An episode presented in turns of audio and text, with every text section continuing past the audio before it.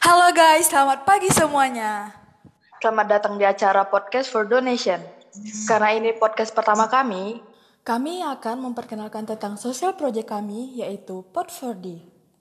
Pod 4D ini merupakan singkatan dari Podcast for Donation, yaitu sebuah proyek sosial dari mahasiswa Presiden University yang didasari oleh kesadaran dan kepedulian kami kepada pemilik usaha skala kecil yang sedang mengalami kesulitan ekonomi akibat pandemi COVID-19. Apa saja yang kami lakukan? Program kami berupa memberikan edukasi seputar bisnis dan COVID-19 melalui poster, podcast, dan seminar online. Kami juga melakukan fundraising yang hasil dari donasi akan digunakan untuk bantuan modal pengusaha kecil di daerah Bekasi dan pemberian voucher kelas online untuk menambah skill dari pemilik usaha kecil. Kami juga sedang open donation nih. Kamu bisa berdonasi dengan mengklik link yang ada di bio IG kami di podcast underscore for underscore donation. Aku ulangi lagi ya. At podcast underscore for underscore donation. Kemudian klik donation on Saweria. Nah, jadi hari ini kami kedatangan tamu spesial nih. Beliau merupakan CEO Musin Group dan Ketua HIPMI PT Kabupaten Bekasi. Dan yang paling luar biasanya, beliau juga merupakan mahasiswa dari Presiden University loh. Without any further ado, selamat datang ke Muhammad Rizky Musin. Apa kabar? Halo, selamat datang semuanya. Alhamdulillah baik-baik. Nah, jadi kan kakak udah memiliki pengalaman nih kan. Boleh nggak sih kakak ceritain sedikit pengalaman kakak dalam membangun Musin Group gitu? Oke guys, eh, sebelumnya saya ucapkan lagi ya, salam kenal buat semuanya. Mungkin sedikit eh, memperkenalkan diri dulu ya, karena mungkin kawan-kawan yang lain yang di luar sana belum banyak yang kenal. Oke, perkenalkan nama saya Muhammad Rizky Musin, eh, salah satu mahasiswa di Presiden University juga, angkatan 2017. Saat ini masih menjadi mahasiswa juga kayak teman-teman yang lain, masih melakukan eh, daring ya sekarang saat ini karena pandemi COVID-19. Terus untuk kegiatan sekarang, saya juga aktif di eh, HIPMI, yaitu Himpunan Pengusaha Muda Indonesia Perguruan Tinggi Kabupaten Bekasi yang diamanahkan pada tahun ini saya menjadi ketua umum eh, periode 2020 sampai dengan 2023. Wow, keren, keren, keren. Saat ini sebenarnya untuk melakukan bisnis saya belum ya sebesar kayak kawan-kawan yang di luar sana karena saya memang masih butuh banyak pengalaman. Banyak yang saya lakukan dalam bisnis dari awal saya kuliah dan alhamdulillah saya melakukan bisnis itu pada saat eh, kuliah pertama kali 2017. Ini sedikit ini ya eh, guys memberikan suatu pengalaman ya bagaimana saya hari ini berbisnis seperti itu ya. Iya, nggak apa-apa kak. Ah, untuk saya melakukan bisnis itu memang dari awal saya pertama kali eh, kuliah yaitu tahun 2017 karena memang eh, saya juga tidak menyangka ya saya bisa hari ini bisa terjun langsung di dalam bisnis selama ini dan itu by accident sebenarnya. Kayak kecelakaan gitu tidak direncanakan ataupun dikonsep pada awalnya karena cer- mungkin cerita sedikit. Pada saat saya kuliah di Presiden University itu memang saya mendapatkan alhamdulillah beasiswa 100% dan itu tidak disangka-sangka ya. Karena dulu saya pada saat eh, SMA itu saya lulus 2017 bulan Mei dan eh, ketika itu juga ketika saya lulus itu saya merantau di Bekasi karena saya memang asli Lampung. Jadi lahir dan dibesarkan di Lampung SD SMP SMA SD SMP SMA itu saya di Lampung. Dan akhirnya saya menentukan ke depan setelah lulus saya kuliah eh, saya, saya saya merantau di Bekasi. Dan itu saya sebenarnya niatnya tidak kuliah ya. Karena memang eh, niat saya adalah kerja untuk membantu perekonomian perekonomian di keluarga karena memang saya terlahir dan dibesarkan di keluarga yang memang ya berkecukupan lah pas-pasan tidak eh, menengah ke atas dan bulan Jun bulan Juli saya masih ingat betul 15 Juli 2017 akhirnya saya memutuskan untuk saya merantau dari Lampung ke Bekasi. Nah, pada saat saya di Bekasi, saya hanya berfokuskan untuk saya mencari pekerjaan dan itu terus berlangsung selama tiga bulan setengah gitu loh. Artinya tiga bulan setengah itu saya hanya berfokuskan untuk mencari pekerjaan di Bekasi ya, di kawasan industri, Jawa BK, Delta Mas, MM 2100, Hyundai, Egypt dan lain sebagainya. Saya saya terus mencari pekerjaan, saya buatkan surat lamaran dan saya submit ke perusahaan-perusahaan secara langsung ataupun via email ataupun via uh, web gitu ya. Semua saya lakukan, tetapi selama tiga bulan setengah itu juga saya tidak ada uh, terima pekerjaan gitu loh. Dan saya juga uh, putus asa gitu loh. Saya saya pas saat SMA juga nilainya nggak kecil-kecil amat gitu ya. Terus ada sebuah sedikit lah sertifikat sertifikat hmm. non akademik seperti seperti seperti komputer dan lain sebagainya. Tetapi kok nggak ada yang terima hmm. saya gitu loh. Satu pun tidak oh. ada yang menerima saya di di Bekasi ini. Padahal di Bekasi ini ya mungkin kawan-kawan tahu ada ribuan perusahaan ya di kawasan industri. Iya. Cuman nggak ada yang menerima saya. Dan itu sampai dengan saya tanggal 14 September eh sorry tanggal 15 September 2019 eh 2017 itu benar-benar saya uh, apa ya bahasanya ya? Ya nggak ada pekerjaan gitu. Pekerjaan saya hanya mensubmit mensubmit dan mensubmit. Dan ya itulah proses ya. Karena memang saya pas uh, merantau dari Lampung itu saya sudah memutuskan kepada orang tua untuk tidak meminta uang sepersen pun gitu kepada orang tua. Karena saya berkomitmen untuk saya hidup dengan diri saya sendiri gitu loh. Entah apa pun yang terjadi. Itu emang sudah komitmen saya dari awal. Nah maka dari itu ya ya sangat sangat sangat sangat uh, kerasa banget lah untuk makan dan sebagainya. Ya, bayangin aja saya dikasih hanya uang transport dan uang beberapa bulan ke depan. Dan itu benar-benar sudah habis gitu loh. Dan udah bingung hmm. mau ngapain gitu loh. Karena saya pekerjaannya hanya submit kan tidak ada uang pemasukan. Nah singkat cerita akhirnya saya benar-benar putus asa. Waktu itu saya umur 18 tahun ya karena memang masih lulus SMA gitu kan. Hmm saya benar-benar putus asa ya nangis hal yang sudah sering banget terjadi gitu loh. Namanya di dunia perantauan masih umur 18 tahun kan. Terus benar-benar berkomitmen tidak minta orang tua ya ya seringlah nangis gitu kan. Nah akhirnya saya memutuskan untuk saya mau pulang kampung sebenarnya. Saya sudah menyerah saya tidak uh, tidak sanggup lagi di perantauan ini gitu ya karena dengan keadaan yang saat itu seperti itu. Nah akhirnya di tanggal 15 itu di tanggal 15 itu saya ingat betul itu hari Jumat. Kalau nggak salah hari Jumat. Habis saya sholat Jumatan gitu ya saya, saya sholat Jumat. Saya terinspirasi dan nggak tahu kenapa pikiran saya ini tiba-tiba aja itu ke saya pengen kuliah gitu loh. Gitu loh. padahal hmm. saya tahun itu saya benar-benar uh, tidak ada niatan kuliah. Saya hanya saya minimal saya bisa kerja gitu kan untuk membantu perekonomian keluarga dan diri saya sendiri kuliah itu ditunda dulu gitu loh. Dua tahun tiga tahun hmm. mendatang mungkin karena saya untuk menabung dulu. Tapi saya nggak tahu kenapa coba tahun ini uh, apa namanya pengen kuliah aja gitu. Dan akhirnya saya searching di Google gitu ya uh, tentang kampus di Bekasi gitu kan. Nah akhirnya hmm. di web itu saya buka tutup buka tutup web ya berbagai web. Entah kenapa urutan presiden university itu nomor satu terus gitu loh. Presiden university oh, nomor dua Unisma, nomor tiga itu Universitas Pelita Bangsa dan Bayangkara dan lain sebagainya lah. Nah tetapi di web-web itu kok Presiden University nomor satu terus urutannya.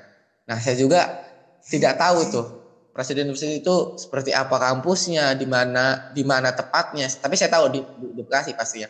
Cuma lokasinya di mana dan lain sebagainya saya saya tidak mengerti. Kok nomor satu terus? Akhirnya saya kepo dong gitu ya. Kepo, skeptis iya. lah, skeptis. Rasa ingin saya tahu, rasa ingin tahu saya kuat gitu. Akan saya cari itu Presiden University mulai dari webnya terus sosial media dan lain sebagainya. Dan akhirnya saya follow gitu kan Instagram di uh, Instagram Presiden University. Akhirnya saya, saya cari scroll dan sebagainya. Nggak tahu kenapa tiba-tiba di situ ada poster ya poster seminar itu untuk SMA kan di PEC Presiden Executive Club. Presiden Executive Club. Nah Ha-ha. Itu seminar teknik ya, seminar teknik. Dan saya dan saya memang SMK-nya SMK teknik, jadi interest lah sama sama sama ke, tek, ke dunia teknik kan gitu. Wah, kayaknya peluang nih karena free registration kan, artinya saya nggak bayar, ya udahlah saya kepo. akhirnya saya daftar ke marketing Presiden University untuk saya mengikuti seminar tersebut. Akhirnya oke okay, uh, saya diterima menjadi peserta. Dan seminarnya itu hari Sabtu keesokan harinya saya kan daftar baru dari Jumat kan. Nah keesokan harinya hari Sabtu tanggal 16 September 2017 dan itu posisinya uh, tanggal tersebut itu sudah sudah proses pembelajaran gitu. Sudah masuk periode pelajaran baru ya kan? Karena memang di hmm. presiden presiden sendiri kayak ospek apa STO lah ya bahasanya STO matrikulasi itu kan bulan Agustus gitu loh awal Agustus. Iya. Jadi pembelajarannya itu sudah hampir satu bulan setengah lah sudah sudah melakukan. Nah, akhirnya saya daftar, saya daftar dan saya ikut seminar besoknya dan ternyata ketika saya datang di presiden eksekutif club itu pesertanya itu kayak anak SMA semua gitu loh. Kayak uh, berkelompok dan memakai seragam masing-masing di sekolah-sekolahnya. Nah, sedangkan saya itu orang yang paling aneh di peserta tersebut, di seminar tersebut. Karena ya bayangin gitu, saya bukan dari SMA SMA Bekasi ataupun sekitarnya dan saya mengenakan baju itu baju ya santai pakai pakai levis dan pakai kemeja, sepatu, tas gitu loh.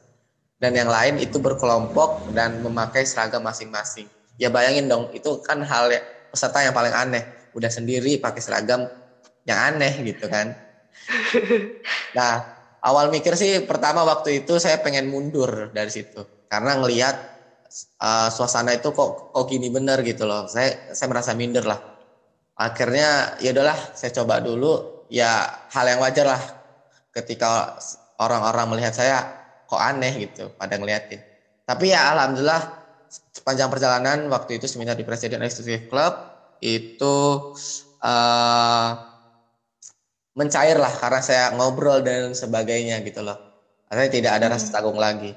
Terus uh, at the end ketika apa namanya coffee break di sore hari uh, asar waktu itu waktu asar itu sudah mau selesai acara tersebut akhirnya saya datang dat, saya datang ke senior yaitu mahasiswa yang angkatan 2016 waktu itu. Karena panitianya itu mahasiswa angkatan 2016. Cuman banyak dosen di situ. Nah, saya tiba-tiba aja saya mau nanya ke mahasiswa tersebut dan hari dan yang saya tanyakan itu ya saat ini teman saya gitu loh. Walaupun memang senior saya ya. Iya. Uh, teman saya hari ini gitu. Saya tanya kan, Bang, uh, kira-kira untuk masuk kuliah Presiden University itu seperti apa dan bla bla bla saya tanya lah panjang lebar dan akhirnya dia nggak bisa jawab gitu loh pertanyaan saya ya udah nanti dulu deh ya saya panggil dosen dulu gitu kan. Akhirnya dosen datang ke saya dan menanyakan tentang diri saya gitu loh. Dan saya padahal cuma nanya siapa ya nanya satu kali gitu loh. Bu kira-kira untuk kuliah di Presiden University dan mendapatkan beasiswa seperti apa bu? Gitu loh. Dan itu saya cuman pertanyaan satu doang loh. Nggak nggak panjang nggak panjang lebar kayak saya nanya ke mahasiswa tersebut lah kok malah tiba-tiba dosen yang nanya balik dan itu beruntun dan dan dan banyak gitu loh mulai. Kamu dari mana? Karena dia melihat kan saya ini orang sesosok yang paling aneh di situ. Ini orang ini aneh banget gitu kan sendiri terus nggak pakai seragam gitu kan nggak ada kelompoknya gitu kan. Akhirnya dia yang menanyakan gitu kamu dari mana? gitu. Terus ya saya bilang dari Lampung dan sebagainya kamu kegiatannya apa? Ya kegiatannya saya hanya submit pekerjaan karena ingin bekerja dan sebagainya. Pokoknya panjang banget gitu loh. Uh, yang ditanyakan. Akhirnya saya jawab dosen tersebut dan terjawab semua.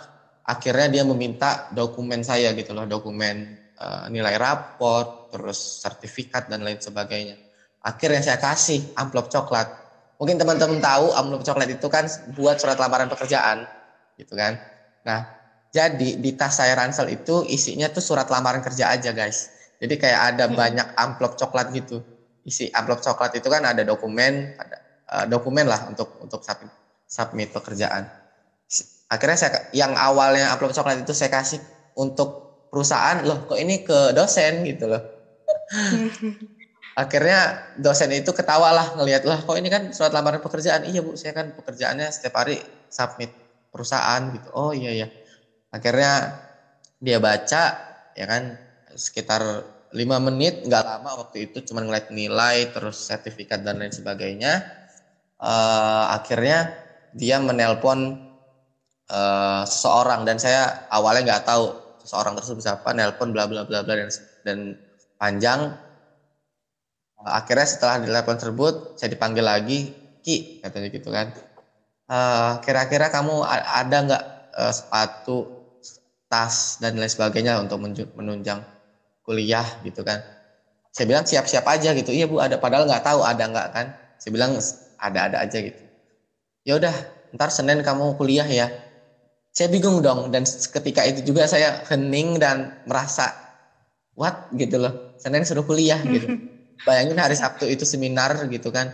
Dan jelang sehari doang hari minggu dan hari senin itu saya kuliah. Dan itu posisinya kan sudah sudah berjalan waktu itu ya perkuliahan angkatan 2017 sudah STO sudah matrikulasi bahkan sudah uh, kurikulum sudah berjalan gitu kan. Serius mem gitu kan. Eh, eh kalau dulu aku belum tahu mem mem ya karena karena masih ibu manggilnya. Iya. Iya. Serius bu serius bu gitu gitulah intinya. Kayak kaget gitulah biasalah. Bocah kan. Terus iya. ya udah kalau kalau ini ntar kamu ke kampus lah gitu kan dan ternyata benar gitu loh. Uh, akhirnya saya pulang dari PIC itu Presiden Executive Club untuk saya pulang ke kontrakan. Waktu itu saya ngekos ngekos ya ngekos. Ya saya nangis sejadi-jadinya gitu setelah keluar dari hotel. Kok bisa gini gitu loh? Hal yang menurut manusia itu nggak masuk akal gitu loh. Kalau kita berpikir secara manusia ya tapi kita kalau percaya sama Tuhan itu emang sudah jalannya dan sudah takdirnya lah gitu. Ya. Akhirnya saya nelpon orang tua, saudara dan sebagainya gitu loh untuk untuk saya bilang saya mendapatkan beasiswa. Pada nggak percaya semua, semua nggak percaya. Be orang tua pun nggak percaya sama sekali. Ya barusan hari Jumat itu masih nelpon, mak nggak dapat pekerjaan gitu gitulah. Lah kok tiba-tiba dapat beasiswa gitu? Kapan kapan aku submitnya gitu kan? Ya orang pada nggak percaya semua lah dari keluarga. Semuanya nggak percaya. Terus untuk membuktikan itu hari Senin saya e, nelpon saudara yang ada di Bekasi karena saya juga ada ada sudah di Bekasi paman saya sendiri untuk bisa ikut saya ke kampus untuk memastikan apakah saya benar mendapatkan beasiswa. Akhirnya benar saya sama paman waktu itu jam 10 ingat betul jam 10 pagi saya datang ke Presiden University dan itu saya nggak tahu Presiden University. Akhirnya saya map dan saya bayangin aja presiden university aja saya map gitu loh. Akhirnya saya datang ke kampusnya terus saya mencari ibu ya dan teman-teman tahu ternyata ibu itu adalah ibu Lydia Anggreni. Ibu Lydia Anggreni adalah kepala jurusan uh, teknik mesin presiden university yang sekarang ini saya jalani prodinya ya teknik mesin. Mechanical engineering.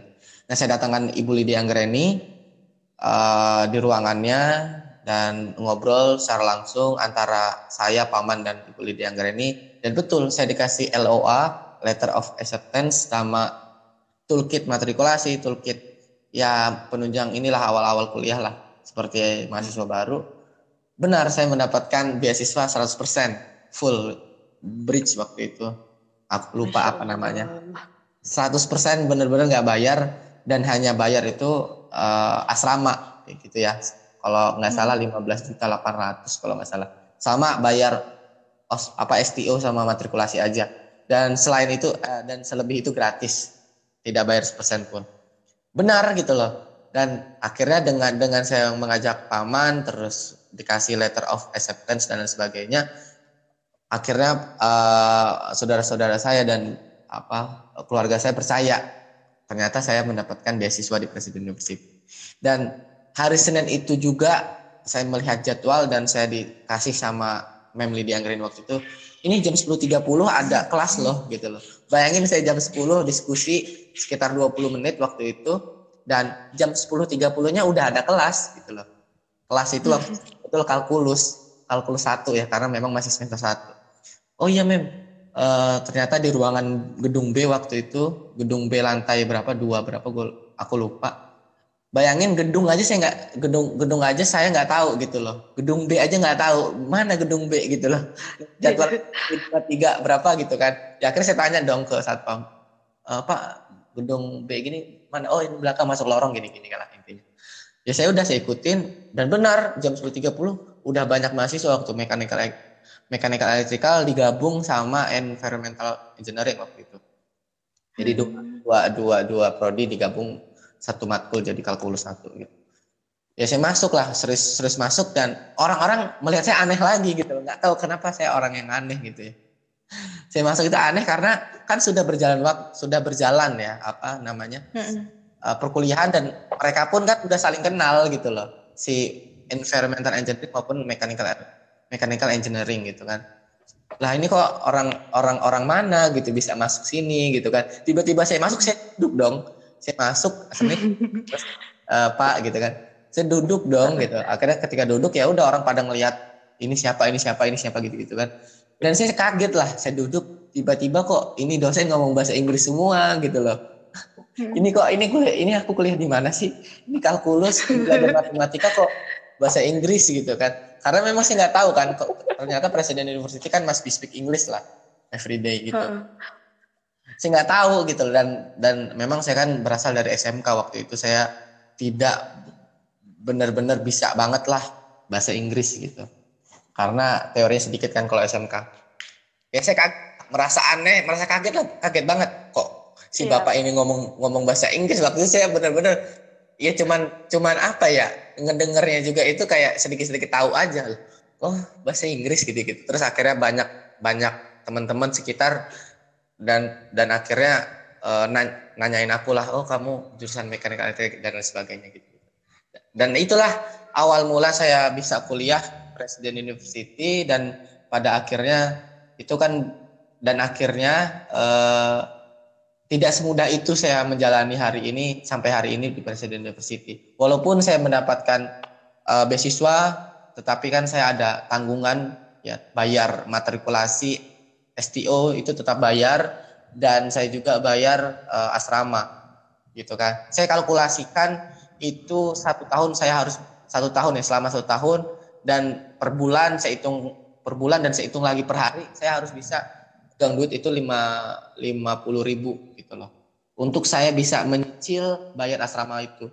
Karena asrama waktu itu sebenarnya harus bayar satu semester tetapi saya meminta permohonan untuk saya bayar per bulan gitu artinya agar bisa ringan untuk pembayarannya. Saya pecah-pecah gitu.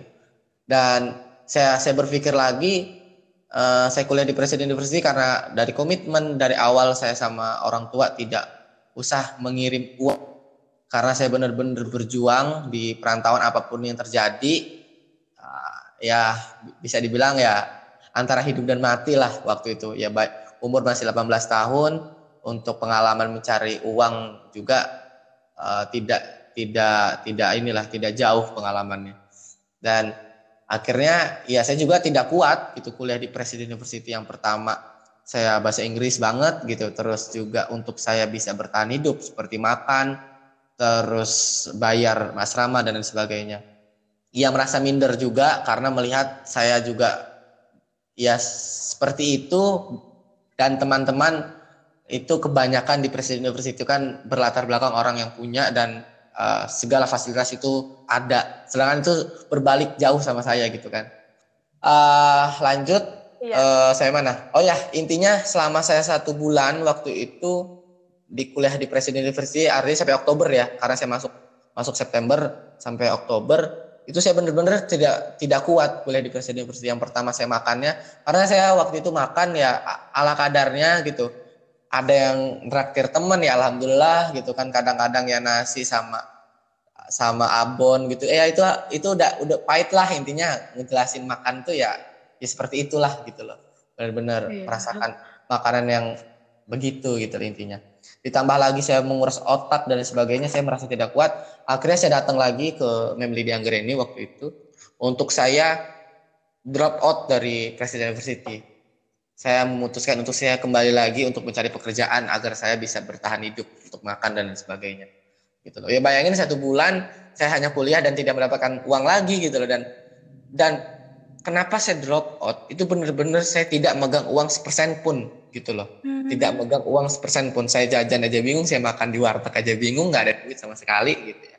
Ya saya hmm. datanglah ke Memli di Anggaran itu untuk saya bisa drop out dan saya cari pekerjaan dan saya datang lagi ke ruangannya di gedung A lantai 3 ruangan mechanical mechanical engineering.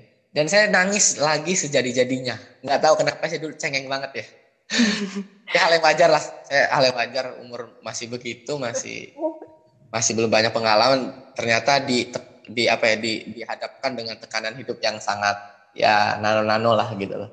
Terus benar-benar saya nangis lagi sejadi-jadinya di depan ibu Lydia Anggreni itu dan nggak tahu kenapa ibu ibu Lydia Anggreni ngelihat saya tuh kayak senyum aja gitu loh. Kok kok kok senyum aja gitu loh. Nggak ada rasa sedih atau apa. Karena aku heran juga gitu loh pas pertama itu kan.